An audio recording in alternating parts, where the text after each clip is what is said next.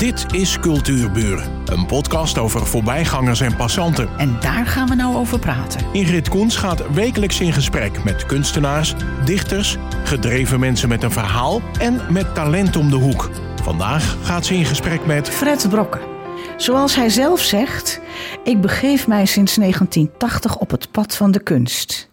Hij is autodidact en altijd weer op zoek naar nieuwe uitdagingen.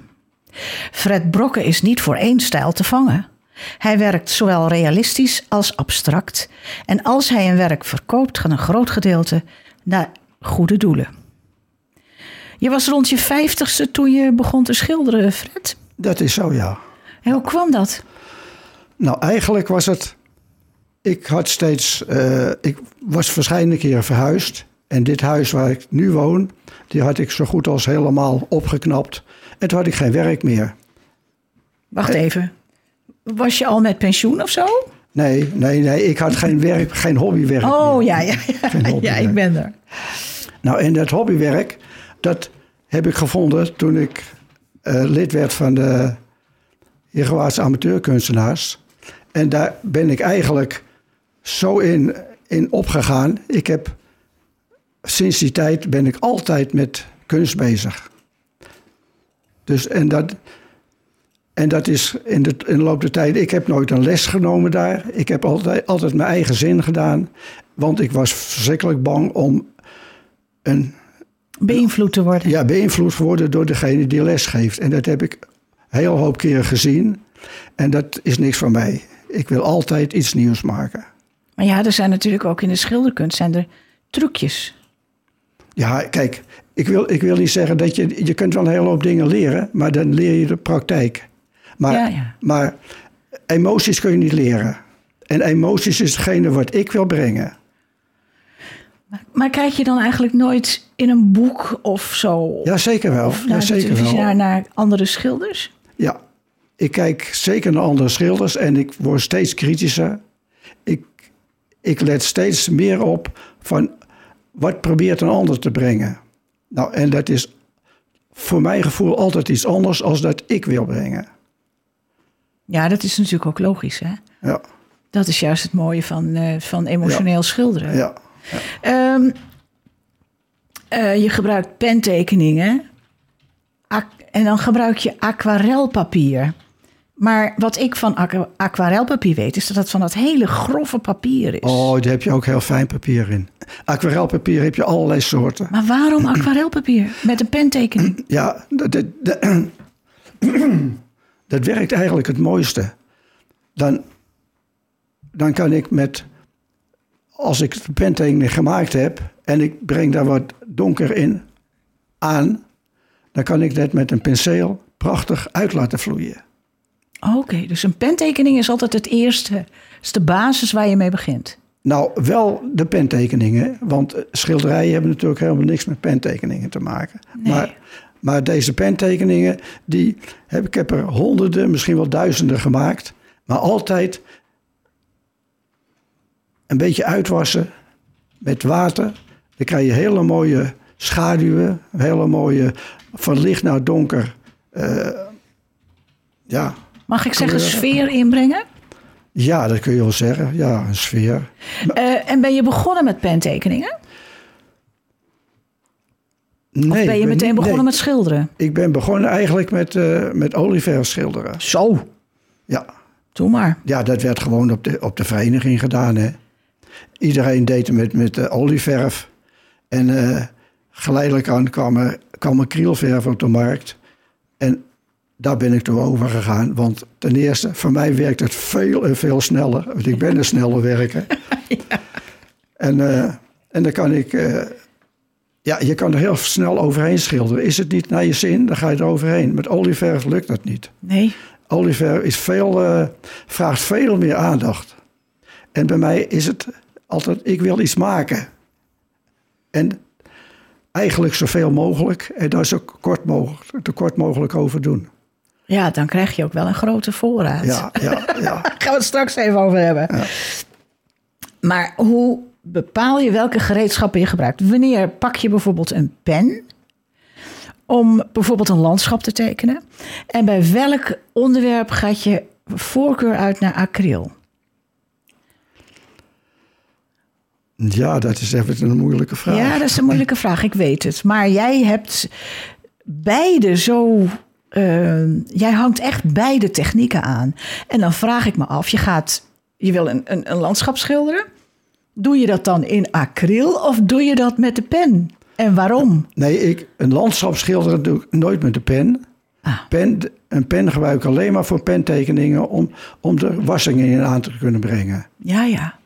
En, en acryl, ja, acryl eh, maak ik eigenlijk zonder dat ik van tevoren een, tenminste de meeste acryl schilderijen, dan begin ik meteen te schilderen.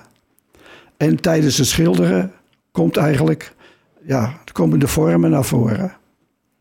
Maar dat is een heel klein gedeelte van wat ik doe. Ja, maar daar komen we direct nog even Ja, op terug. daarom, maar dat- Want weet je het alvast. Dat acryl, dat is, eh, daar gebruik je een paneel voor. Ja, En ja. nou ben ik een leek.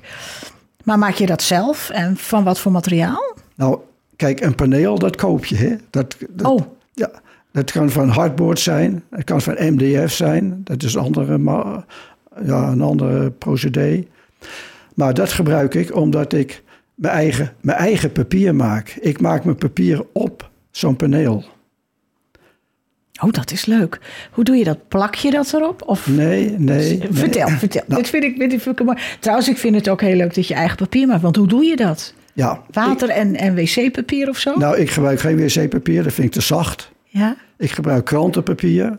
En daar gaat een lijm doorheen. Eh, Daar gaat een, een, eh, een behanglijm doorheen. Maar daar gaat ook watervaste lijm doorheen. Maar dat is toch grijs dan? Ogenblik. Ja, ja, ja. En daar gaat er ook nog verf doorheen. En meestal gebruik ik verf die ik hier of daar nog wat over heb. Maar die verf die gebruik ik eigenlijk zo, zo licht mogelijk. En dan, als het goed gemengd is, dan voor mijn gevoel zijn al die deeltjes die ik heel, heel kle- klein gemaakt heb. Ik zal zo vertellen hoe, ik- hoe ik dat doe. Maar dan worden al die deeltjes worden omringd door verf. En die, en die watervaste lijm. Dan, en ik heb er eh, proeven mee gedaan. Voor mij is dat een, een dan wordt het een, een materiaal die weerbestendig is. Oh, ik, dat ik, is helemaal Ik wil niet zeggen dat je, het- dat je het in de regen moet hangen. Maar ik heb het maal, of jarenlang onder een afdak gehangen. En het is, wat mij, wat mij betreft, kwaliteit helemaal niet achteruit gegaan. Goh, dat moet je te koop aanbieden. Want mensen willen tegenwoordig kunst in hun tuin. Ja, nee, maar eh, kijk, je zal het altijd ergens onder een afdak moeten. En- Ja, ja, maar dan En nog. ik heb dat ongeveer een jaar of zes, zeven heeft dat zo gedaan. Ik weet niet hoe het na 40 jaar is. Nee. Nee, en, en dat is natuurlijk wel belangrijk. Ja. Dus ik, ik kan nog niet iets zeggen van ik maak iets wat de eeuwen, de eeuwen kan doorstaan. Wel als je het binnen gebruikt. Ja, natuurlijk. Dan kan het veel langer. Ja, dan kan maar we hebben het over papier. Wil dat zeggen dat er dan een, een plat stuk papier uitkomt? Nee. oh, je ook- smeert het op dat paneel. Nee, ik- Ook niet? Ik heb, Vertel. ik heb een, een, een, een, een stevig papje gemaakt Ja. van de spul. En dat, dat doe ik op een manier van... ik blijf als, in een emmer alsmaar stampen. Stampen de papier met water. Ik begin met he- kokend water. Dan stamp ik het helemaal fijn. En dan is het gewoon helemaal een, een, een, pasta, Pulp. een pasta, een pulp ja, geworden. ja. Nou, en dat doe ik op dat ondergrond. En dan, ook dat moet je, het is allemaal proberen geweest. Dan heb ik een autoborstel gevonden die daar geschikt voor is. En dan blijf ik alsmaar kloppen, kloppen, kloppen. Totdat ik het helemaal, een, zeg maar zeggen, een millimeter dik over het hele, hele achter, achtergrond helemaal verdeeld heb. ja. En dat kan ik als ik naderhand heel zachtjes klop, dan wordt het heel fijn. Ga ik harder kloppen, dan wordt het grover. Maar alleen als het grover wordt, heb je iets meer nodig. Dus dan moet ik er dik voor wat bij doen. Maar ik, ik maak het soms ook heel grof. Zelfs zo grof dat als het droog is, dat je haast je handen er aan open haalt. Maar dat, dan weet ik van tevoren wat ik ga maken. Dus als ik een, een schilderij wil maken die heel erg eh, doorzichtig wordt, zeg maar. Ja, dat je de kleuren ja. door elkaar heen, achter elkaar kan zien. Dan maak ik het grover. Hoe fijner ik het maak, hoe meer het op gewoon papier lijkt. En dan kan, ik- kan ik niet die, dat effect krijgen wat ik dus eigenlijk voorsta. Ik vind het een prachtverhaal. Je zou workshops moeten geven. Nou, ik heb het aan verschillende mensen laten zien hoe ik het doe. Ja. Maar eh, ben er een half jaar mee bezig geweest voordat ik wist precies hoe het moet. Hoe de samenstelling Ja, moet zijn. Op wat voor manier je het moet doen. En er komt nog iets bij. Zo'n ondergrond. Ik gebruik eigenlijk dun materiaal. Dat is een paar millimeter dik. Maar doordat ik dat allemaal aan, dat, dat pasta helemaal aangemaakt heb. En ik laat drogen. Dan gaat het krimpen. Dus die ondergrond die wil meekrimpen. Maar die ondergrond die krimpt haast niet. Dus het gaat helemaal hol staan. Oh ja. Dus daar moet ik voor zorgen dat ik dat al, aan alle kanten vastzet. Dat het niet omhoog kan komen. En als het dan, als het dan droog is, dan blijft het helemaal vlak. Goh, Dus- man, wat leuk. Dus ik moet gewoon een, ik moet er een hele hoop aandacht aan besteden. En dat moet ik leren. Ik moet leren gewoon hoe ik dat doe. Ja. En dat heb ik dus in de loop der jaren heb ik dat geleerd. En ik denk dat een ander die het wel mij ziet doen, dat hij nog niet begrijpt hoe het werkt. Nee, ik, dat zie je nou aan Rembrandt. Die maakte zijn eigen verf. Dat is net zo iemand die aan, aan het zoeken en aan het, Ja. aan het experimenteren Ja, is. ja. En nu, de dag van vandaag, kunnen ze nog niet precies nagaan hoe die het gedaan heeft. nee, nee. Dus wat dat betreft doet mij dat aan, aan, eh, aan Rembrandt denken. Wat een leuk procedé, Fred. Moet je, moet je wat mee gaan doen. Echt mensen, mensen daar. Ja, Ja, ja, leuk, leuk, leuk. Maar goed, daar komen we straks nog even op terug. Als iemand nou al zo lang schildert als jij, hè, dan gaat hij door bepaalde fasen heen. Ja, ja. En dat heb ik ook bij jouw werk vrij veel gezien vanaf de hak. Want ik ging altijd naar de jaarvergaderingen of de jaarexposities van de hak. Expositie, ja. Ehm, begeleid ons eens door je leven en de fase waar je doorheen gegaan bent. Dus hoe ben je begonnen en wat heb je. En, en ehm, ik had daar nog, een- nog een vraag, kwam eigenlijk automatisch erachteraan. Welke dingen heb je gedurende de reis door de kunst bij jezelf ontdekt die je verbaasd hebben? Ja. Eh, Begin bij het begin. ik, ja, ik probeer het begin. Eh, dat is dat olieverf, eh, waar ik dus helemaal niet zo, niet zo prettig mee bezig was. Want alles zit onder. En die verf, het- je moet het constant schoonmaken. Hè, want eh, je kwasten zit altijd onder de verf natuurlijk. En, en, en, als je iets geschilderd hebt en je moet het verplaatsen. Je, je hebt het ergens buiten gedaan of op een, op, een, op een weekend of zo. En je moet het mee naar huis nemen. Moet je altijd zorgen dat het niet afgeeft. Nou, het geeft altijd af. Ja. Dus dat, dat vond ik een probleem. En toen was ik blij dat ik die acryl ontdekte. Maar voordat ik echt acryl ging schilderen, heb ik. eh, moet even denken hoe ik dat dan precies moet eh, uitleggen. Die pentekeningen moeten ook ergens Da- geboren zijn. daarom, toen begon ik eigenlijk met die pentekeningen. Maar hoe kom ik aan pentekeningen? We gingen met een hele groep bij in uh, Barsingenhorn schilderen. En, en ik kom daar en blijkt dat ik alles thuis heb laten liggen. Het enige wat ik bij me had was een fijnlijner. En ja, ik heb nog papier ergens geleend. En ik ben maar met mijn fijnlijner aan het tekenen gegaan. Maar wat blijkt? Ik, ik kan direct tekenen wat ik zie. Dat wist ik helemaal niet. Maar meestal gebruik je eerst potlood. Je probeert het met potlood en dan probeer je iets op te zetten wat je, wat je wil gaan schilderen. Of tekenen. En daar kun je in gummen.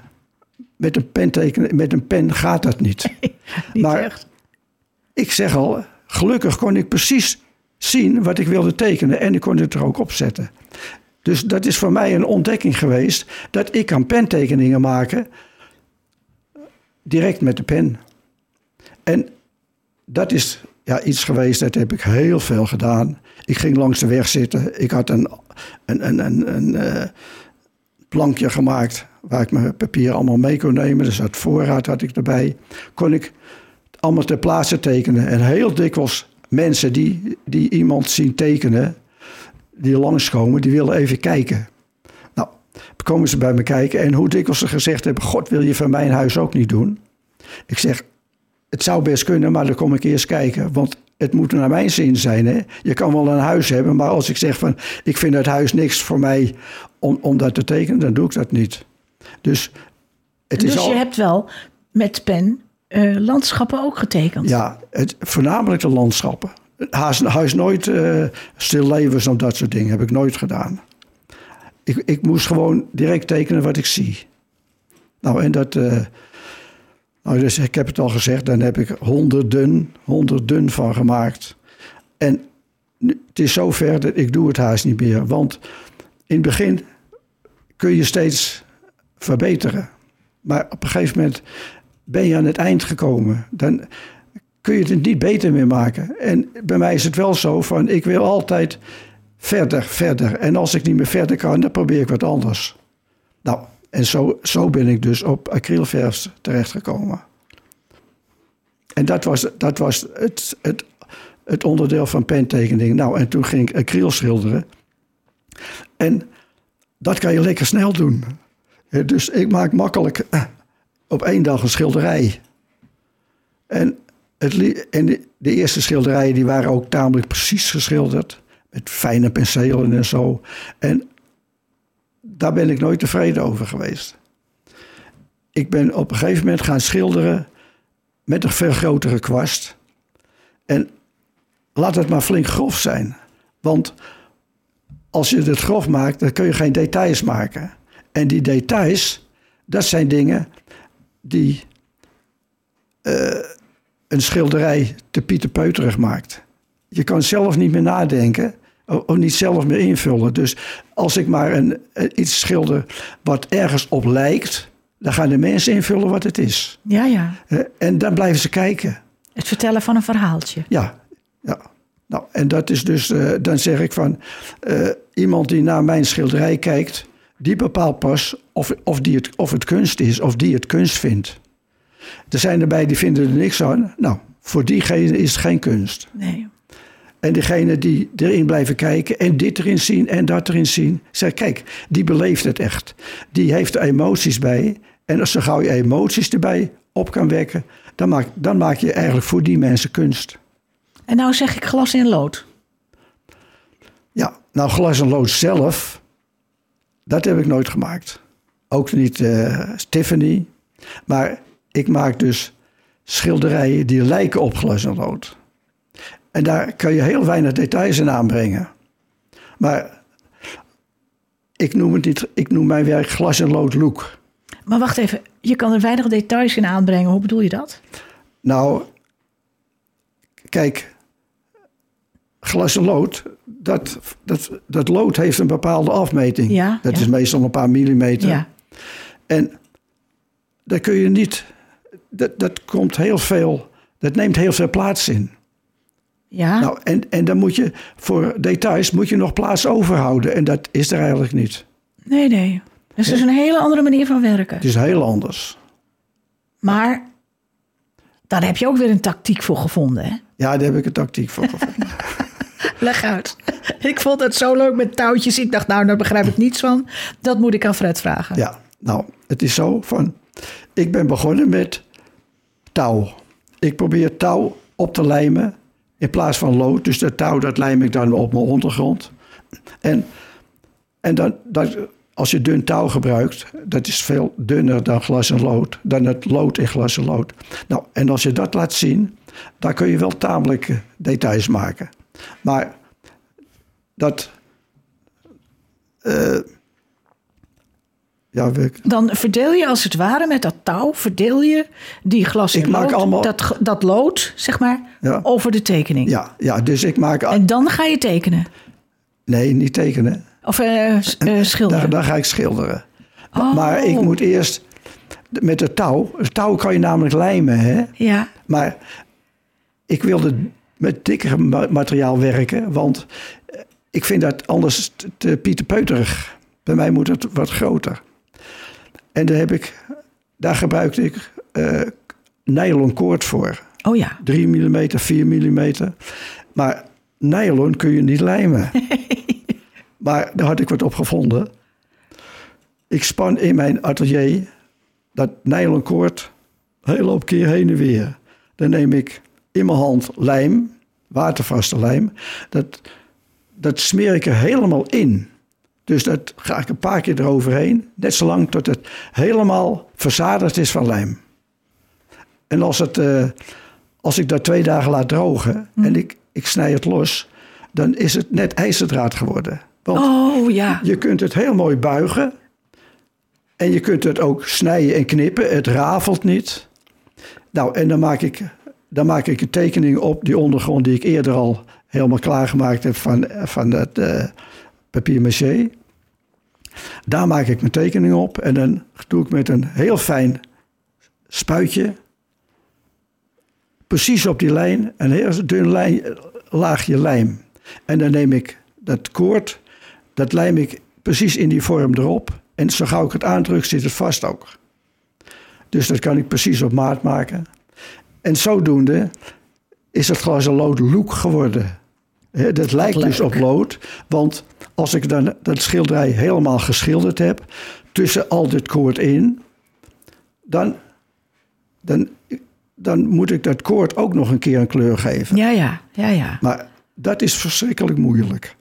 Want het koord, dat ligt bovenop je werk. Ja, En als ik dat koord schilder, dan moet ik niet met die achtergrond raken. nee. Dus dan moet ik eh, bovenop schilder ik dan, maar dan moet ik het op de linkerkant en op de rechterkant ook schilderen. Oh, en dat is heel fijn werk. Ja. Dat is eigenlijk werk dat ik liever door een ander laat doen, Ja. maar het is, het is wel je werk. Het, het, het, het maakt het compleet, het maakt Ja. het af. Man, jij bent een kunstzinnig uitvinder. Ja, ik probeer dus altijd, altijd iets te maken wat een ander nog niet doet. Ja, hartstikke leuk. Ehm, we zijn al bijna aan het eind van het verhaal, maar ik kwam nog iets tegen. In je blog spreek je van een kunstbeleving. Wat bedoel je daarmee? Nou, dat is, dat is als mensen naar werk komen kijken. Dan vind ik dat ze daar iets in moeten zien. Ik zeg al, dat heb ik net emoties moeten voelen. En als ik werk maak en ik zie zelf niet iets erin dat, dat je emoties op kan roepen, dan is het niks voor mij. Dan doe ik het weg, dan schilder ik overheen of het gaat helemaal weg. Dus dat is die beleving eigenlijk. Ik probeer een ander, een ander te laten beleven van wat ik heb willen maken, of wat ik gemaakt heb. Ik las iets van een man uit 1929. Het was een Rus, dus excuseer voor de naam, die weet ik niet meer. En die schreef: Kunst vindt zijn bestemming in de toeschouwer. En dat is wat jij bedoelt. Dat is wat ik zeg, ja. Mensen, als je wil zien waar hij het allemaal over gehad heeft, Fred Brokken. Je kunt hem vinden op fredbrokken.exto.nl. En hij heeft mij beloofd dat hij zijn telefoonnummer op zijn website zet. Dus dat houdt in dat hij u altijd bereid is om eh, rond te leiden in zijn kunstwereld. Fred, hartelijk dank voor je komst. Ja. En nog heel veel succes. Dankjewel. Dit was Cultuurburen, een podcast van Ingrid Koens en Streekstad Centraal. Bedankt voor de aandacht en tot de volgende Cultuurburen.